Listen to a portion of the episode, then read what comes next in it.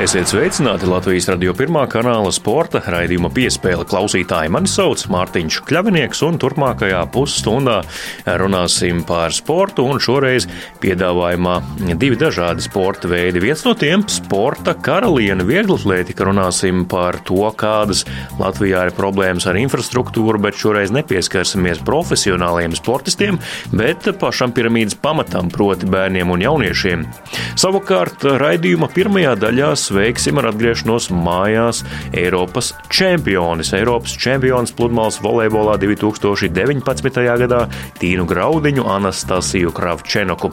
Viņas mājās uz īsu brīdi atgriezās pagājušās nedēļas izskaņā, tāpēc dzirdēsim to, kādas emocijas bija viņām pašām uzreiz ierodoties Rīgā, un arī uzzināsim to, kā šo panākumu vērtē viņu vecāki un ne tikai. Tiekamies jau pēc pavisam īsa brīža.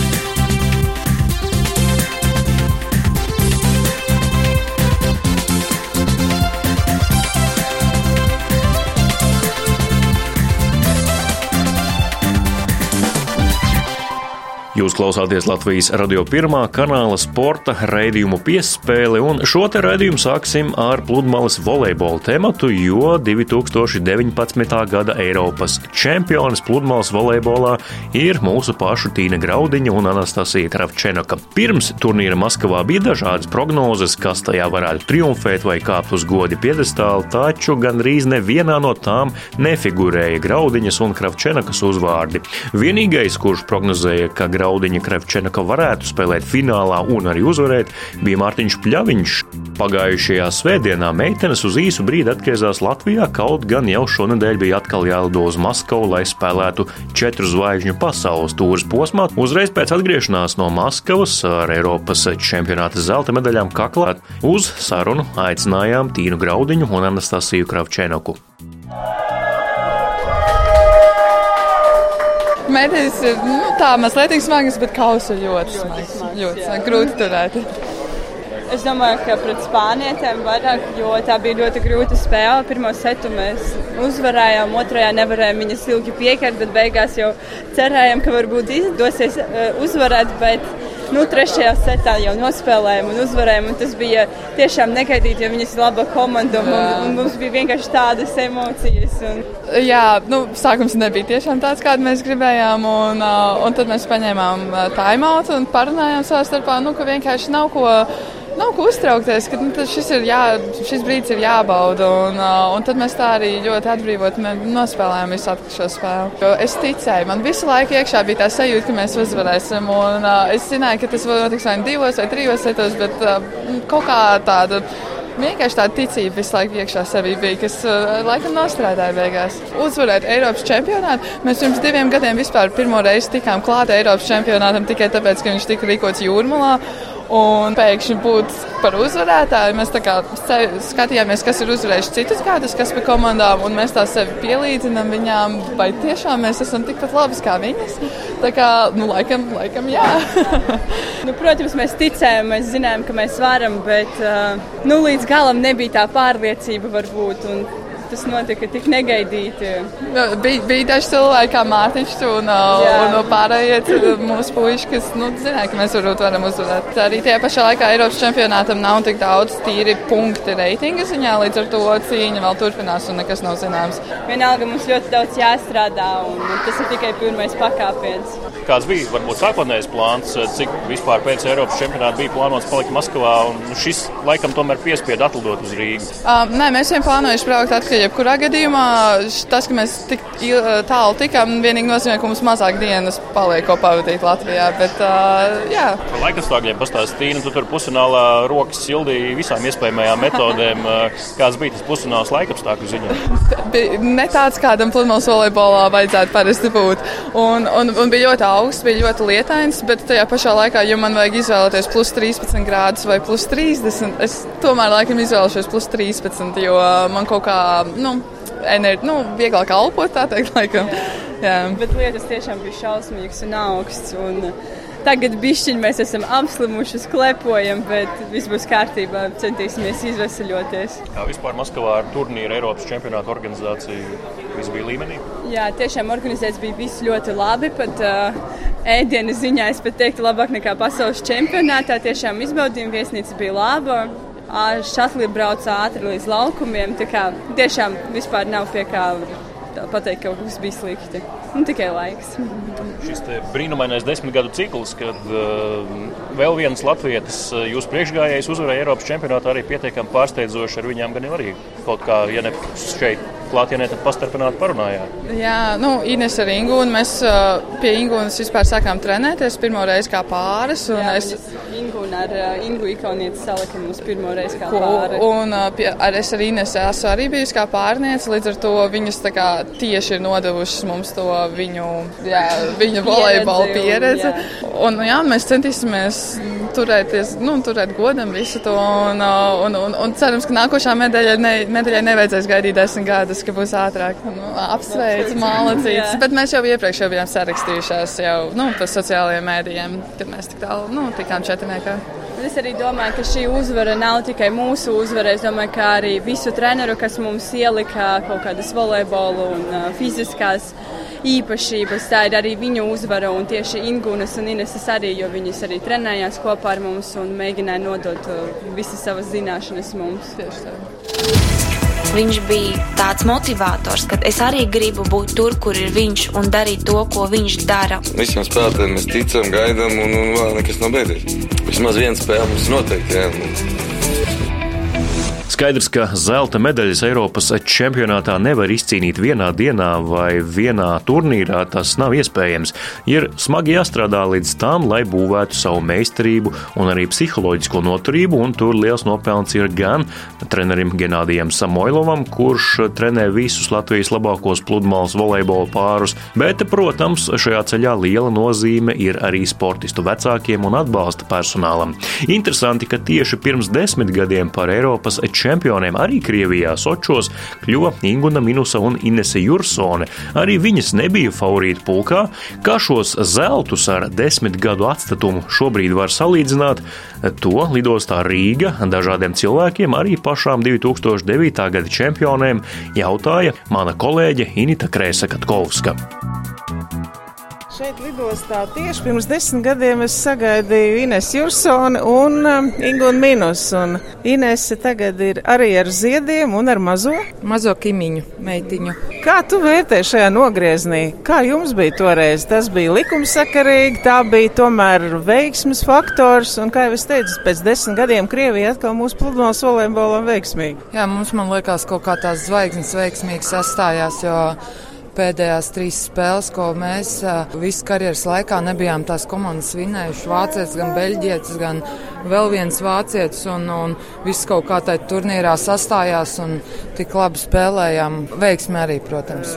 Tu tagad Latvijas čempionātā spēlē kopā ar savu vecāko, vecāko meitiņu Kristijā unikāls domāju, notikums Latvijas sportā. Vai tas arī, tavuprāt, ir tas nu, veicinošais faktors tiem jaunajiem, arī šī zelta medaļa? Domāju, ka noteikti, jā. Tīna zelta medaļa. Ā, sava zelta medaļa. Nu, cerēsim.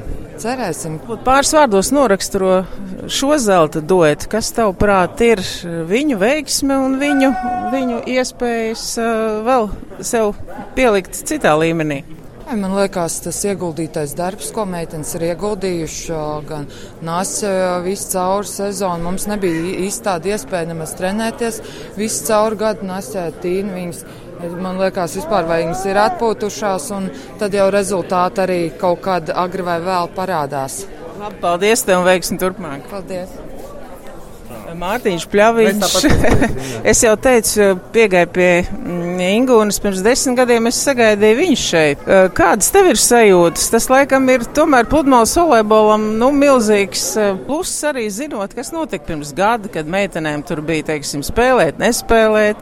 Citi latviski sekot kasās, bet, bet nu, laikam tomēr salika galvas, galvas nostrādāja un viss notika. Protams, nu, meitenes labi nospēlēja, kaut kur varbūt bišķiņ paveicās, jo nu, tik daudz, trīs, piecas trīsatnieks vinēt ir tādas galotnes, jā, bet uh, kopumā esmu. Pa meitenēm esmu ļoti priecīgs, jā, jo, bet nu, viņām tas ir reāli tikai karjeras sākums. Nu, pirmais gads tāds pēc junioriem, un uzreiz tik ātri ielicis, kā tur viss būs, viss priekšā. Man ļoti liels prieks arī par, par, par mūsu treneri, kad uh, tomēr zina, cik daudz nervus treniņos tas prasa, cik daudz jācīnās, lai, lai, lai tur citiem pierādītu. Nu, pierādīt spēlētājiem, pierādīt citiem, nu, kad, kad viss strādā. Un, un, un, teiksim, tas, tas arī viss strādā. Un, un, Es arī trenerim tik daudz spēles nosēdēju blakus, un es vienkārši redzu tos pārdzīvojumus, tos. Uh, Vairāk, nu, agrāk, ja treneris bija tāds teiksim, dusmīgs, tad viņš vairāk pārdzīvo. Un, un, redz, un līdz ar to man, eh, man tiešām tas, tas ir liels prieks. Tāds, īpaši par meitēm un īpaši par treneri. Kad, eh, Mēs runājam par Genādiju. Par Genādiju jā, nu, es Eģipte, tur četri mēneši, viss tur treniņi. Nu, mēs ik, ikdienā, un tad treneris arī Bieži man, bieži man prasa kāds padoms, vai viņš domā, ka varbūt viņš kaut ko nesaprot. Un, un tā, nu, lai es viņam pasaku, ne, ka nu, varbūt, varbūt kaut ko pamainīt. Nu, tā, līdz ar to es esmu daudz iekšā, un es arī es, es eh, ļoti priecājos.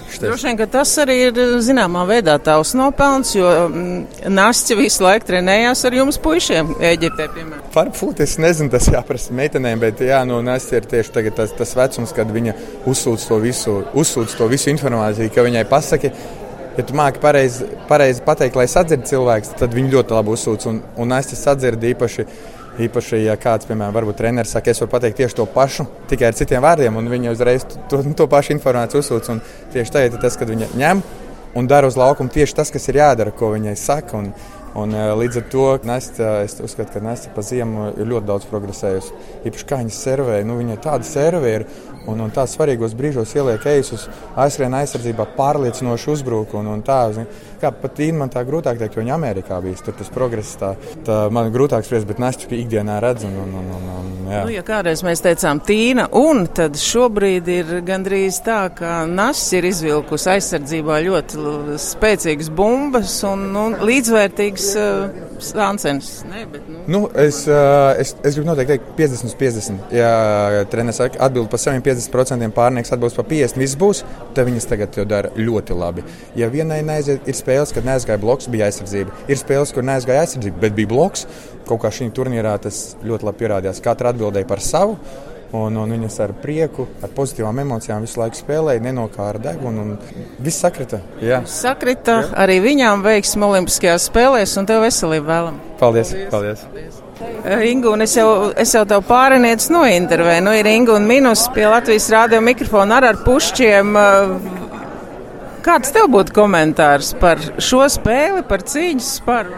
Lēnā, ja godīgi man ir prieks, jo, un, kā saka, meitenēm bija izdevība. Kā saka, šajā sezonā vairākas reizes bija turnīriem izdevības, un būtībā viņi, kā, kā viņām iedod mazo pirkstu, viņas arī paņem. Un, un šeit viņas arī viņām bija iespēja iziet līdz galam, viņas noturēja to savu līmeni stabili un arī izcīnīja savu pirmo zelta medaļu. Man prieks arī par jums, ka jūs abas esat katra savā statusā. Ines spēlē ar meitu, tu trenē, izlasi, viss tā kā notiek, esat procesā.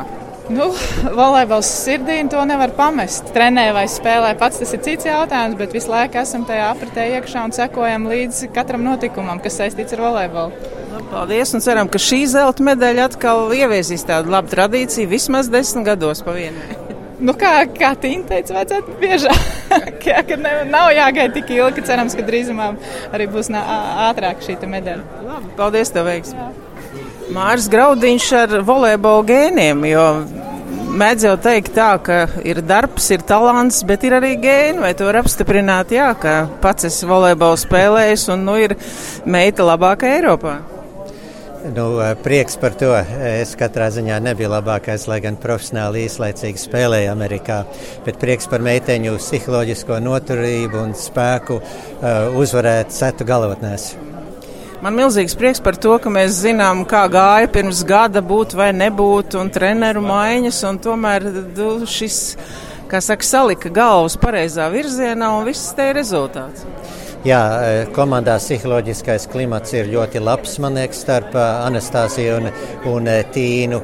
Ir prieks, ka komandas sastāvs ir papildināts treneru kolēģiju Tagad iekļauja Andri Krūmiņu, Māris Eikens kā fizioterapeits ļoti palīdz un arī statisti, statistiķis nāk talkā. Nu, Ko es vēlu turpināt šo veiksmus formulu un paldies vecākiem, kas atbalsta. Ir asars acīs, kad ir jābūt asarām, bet nu, primārais ir darbs un īkšķi turēšana. Jā, vispirms sviedrus treniņā, un tad darba panākumi vainagojās ar, ar, ar zeltu šajā gadījumā. Liels prieks par meitenēm. Paldies, Māri!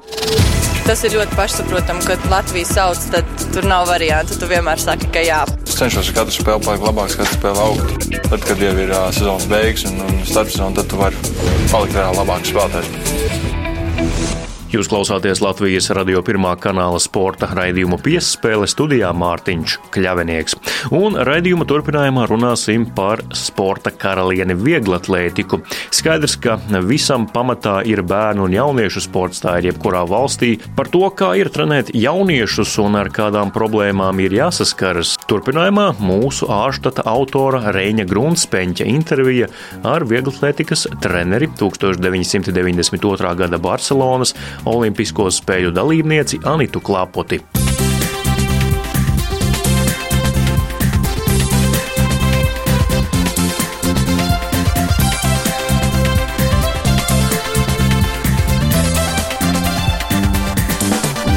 Šodien Latvijas radio ēkā ir ieradusies 1992. gada Barcelonas Olimpisko spēļu dalībniece un šobrīd vieglatlētikas treneris sporta skolā Arkādija Anita Klapot. Labdien! Labdien! Šodien mēs arī parunāsim par gan bērnu, gan jauniešu vieglatlētiku, protams, arī par infrastruktūru, kā par to var neparunāt, eh, runājot par vieglatlētiku, un arī par jūsu sportistes karjeru. Es saprotu, ka pirms vairākiem gadiem jūs eh, sākāt braukt eh, ziemās uz nometnēm Portugālē. Kā un kāpēc tas vispār sākās, un vai pie tā ir vainojams vieglatlētikas sportbāžu trūkums ziemā? Ja mēs runājam vispār par sportu, tad sportu es iedalītu divās kategorijās - bērnu un lielais sports. Un priekš bērniem, nu, es tā tagad esmu bērnu jaunatnes sporta skolas trenere un trenēju pārsvarā mazos bērnus. Ar lielajiem sportistiem man tagad ir mazāk sakara, un uh, mazie bērni nebrauc uz nometnēm. Uz Portugālu brauc, un nu, tas ir siltajām zemēm, vairāk lielie sportisti. Un um, šeit ir jāsāk skatīties eh, sporta veidu specifiku. Tā kā es trenēju vidējās un garās disciplīnas, un vidējās garajās disciplīnās mums ir būtiski saskriet entos kilometrus. Lai saskriet entos kilometrus, ir nepieciešami laika apstākļi. Ziemas mums ir dažādas, uzsniegs, sniegs. Un, ja sniegs ir līdz ceļiem, mēs tos kilometrus nevaram saskriet. Tāpēc mums ir vajadzība izbraukt. Jā, Mēs braucam uz siltajām zemēm, bet tagad mēs diezgan bieži izmantojam tās bāzes, kas mums ir tuvāk - Igaunija, Lietuva. Un jūs jau teicat, ka jūs dalāt sportu divās daļās - bērnu un lielajā sportā.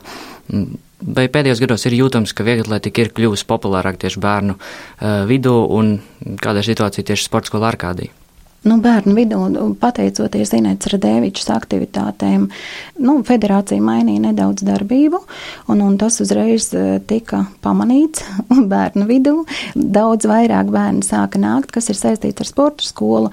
Sporta skola mums ir pietiekami liela, viena no lielākajām Latvijā, kurā ir 600 vairāk audzēkņi, un, un tieši bērnu sports, jo sporta skolā var iestāties no 8 gadiem un mācīties līdz 25 gadiem. Tas ir pabeidzot, un un 25 gados tev jau apmēram ir jāstartē Olimpiskajās spēlēs. Visu ciklu katram no bērniem, kas iestājās, ir iespējams iziet. Vai jūs piekritīsiet tam, ka šo, šobrīd ļoti liela problēma Latvijas atletikā, atskaitot šo infrastruktūru, ir tieši šis pārējais periods no junioru vecuma uz pieaugušajiem, ko daudz jaunie sportisti neiztur? Es neteikšu, ka tā ir problēma tāda, ka neiztur, bet drīzāk tad, kad treneris uzņemās ar bērnu, vērojot viņa attīstību, treneris izprot, cik talantīgs ir un ko bērnam var piedāvāt diezgan bieži tagad, lai sevi apliecinātu, lai dabūtu lielāku slodzi. Slodzi dod pēc treneru sasniegumiem.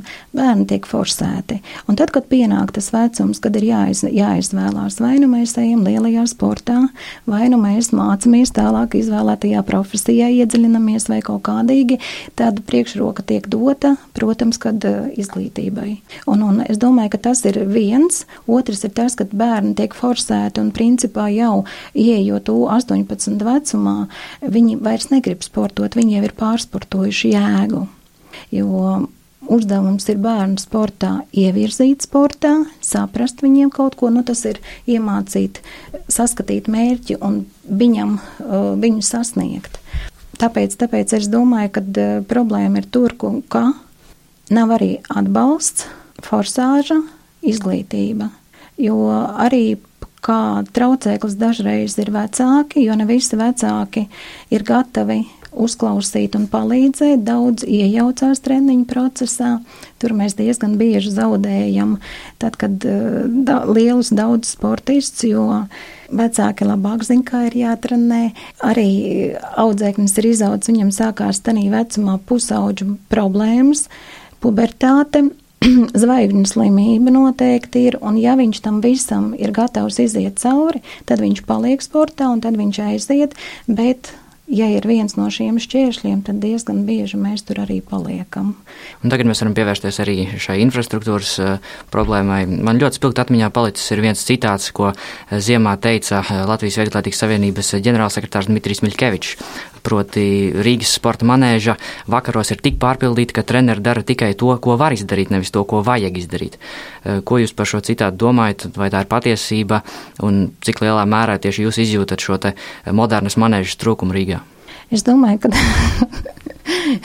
moderns manēžs tas jau ir skaļi teikts. Par to mēs sapņojam un ceram, ka kādreiz tas piepildīsies. Līdz ar to mēs arī jutīsim. E, kas notiek vispār vieglatlētikā Latvijā? Mēs uzreiz jūtam, ka reģionos, kur tiek uzcelts halas atbilstošas, um, vieglatlētikas prasībām uzreiz izaug meistarība. Uzreiz parādās gan vidēji, gan augsta līmeņa sportisti, un tas ir viens no nosacījumiem. Rīgā mēs strādājam, nu, ja mēs sevi salīdzinātu ar kaut kādu attīstītu valsti, tad man liekas, ka mēs, nu, mums, nav, mums nav kur strādāt. Mums ir divi stadioni. Tas ir Daugavas stadions un Arkādijas stadions, kur ir 400 metru celiņš. Protams, ka vēl ir pārdaugavam Daugavgrīvas stadions, bet stadiona problēma ir. Viņš ir uzcelts, bet apļa garums ir nevis 400 metri, bet 394 metri.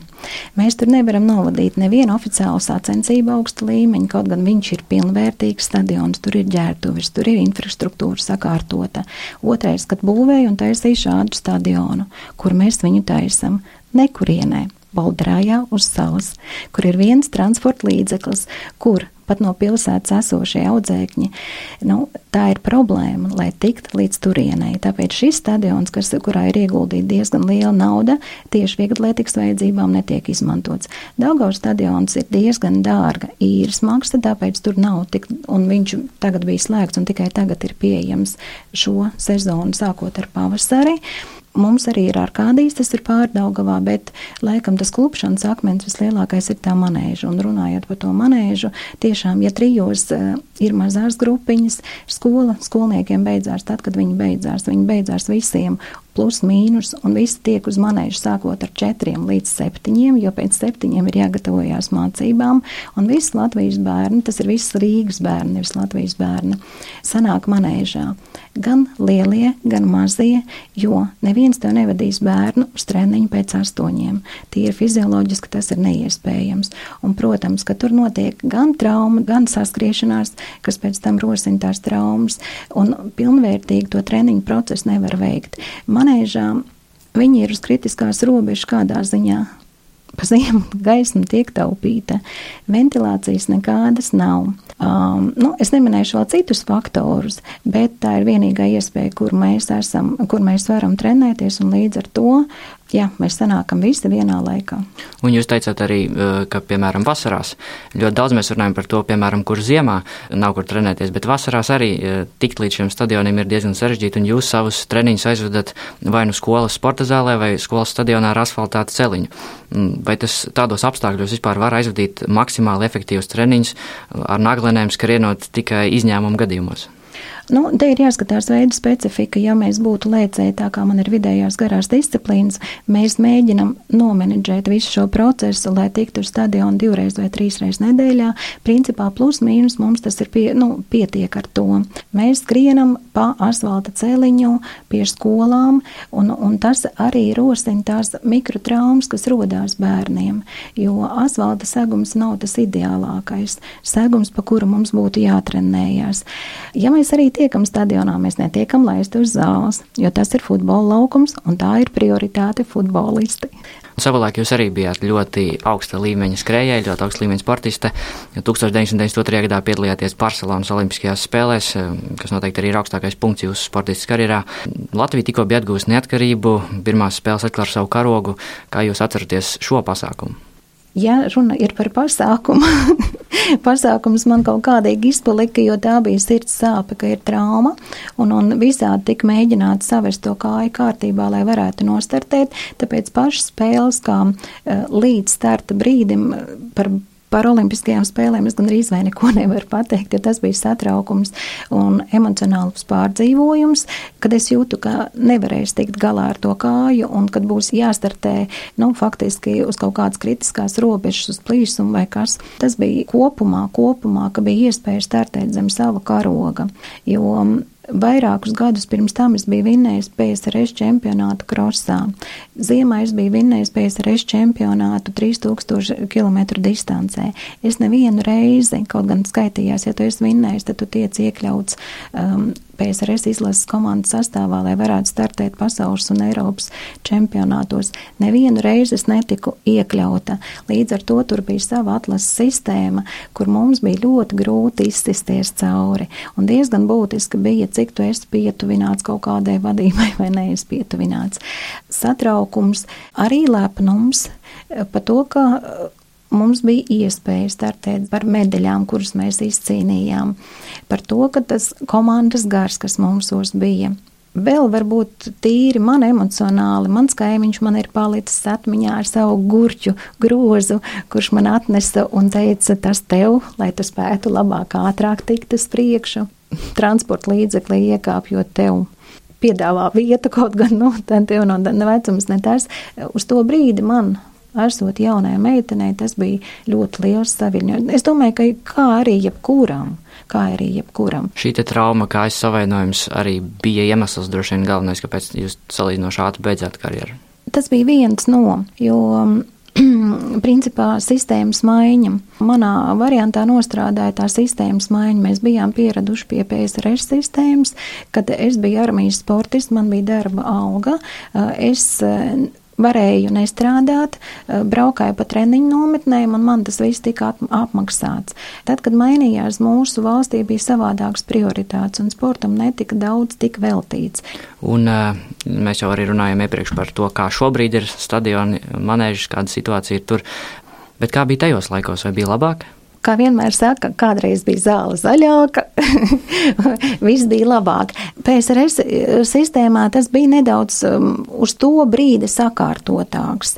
Eh, sporta skolas tika savādāk finansēts, un ja tu biji puslīdz kaut kāds tur sportists, nu vismaz es to atceros, saņēmu talonus, mēs varējām pēc treniņa aiziet paēst diezgan, nu tas priekš manis diezgan bija būtiski, jo es nācu Man ģimenē bija tikai mamma apgādātājs, un tas mums diezgan daudz palīdzēja. Nebija problēmas arī, man liekas, ar, es nezinu, es toreiz par to neiedziļinājos. Tā sistēma kaut kādīgi bija sakārtotāka. Bija trīs stadioni Dienāmo, kas tagad ir um, pārtaisīts pa futbola laukumu. Es nezinu, vai viņi tagad tiek izmantoti. Faktiski trīs stadioni un pilnīgi pietika un regulārs treniņu nometnes, kas bija būtiski. Un tās tika finansētas tomēr no valsts un uh, par cik vieglatlētika ir pamatu pamats arī citiem sporta veidiem. Kāds būtu jūsu aicinājums, uh, teiksim, šobrīd bērniem, kur klausās, lai vairāk sāk nodarboties ar šo sportu un mazāk sēdēt datoros, telefonos? Ai, te drīzāk ir aicinājums vecākiem to, ka um, sports ne tikai dod veselību un attīsta to miesu, uh, bet um, sportojot cilvēks attīsta arī iekšējos orgānus, kura rezultātā ir mums tā veselība. Bērniem, bērniem laikam gribētos pateikt, ka sportojot mums izdalās tāds hormons kā dopamīns, kas dod to laimes sajūtu. Kad, uh, laima un labu pašsajūtu var iegūt tīri kustoties. Nav būtiski kā un kas, bet kustoties. Es kā ciklisko sporta veidu un garo distanču tāds, kā lai saka, speciālists e, teiktu, tagad ir stirnu buki, um, tēta maratons un daudzi citi pasākumi. Ejam, darbojamies, nav svarīgi kādā līmenī, bet katram ir savs tā latiņa, kurai mums būtu, nu, tā kā, nav jāsalīdzina sevi ar citiem jāskatās, kā tas bija vakar un kāds es esmu šodien. Ja es esmu paspējis mazu, mazu solīt uz priekšu, tad es esmu sev pilnveidojis un kaut ko sasniedzis. Un tas dopamīns, lai nāk ar kustību jūsos. Tieši tā. Paldies, ka atnācāt šodien uz Latvijas radio un lai jums arī turpmāk veids. Paldies arī jums!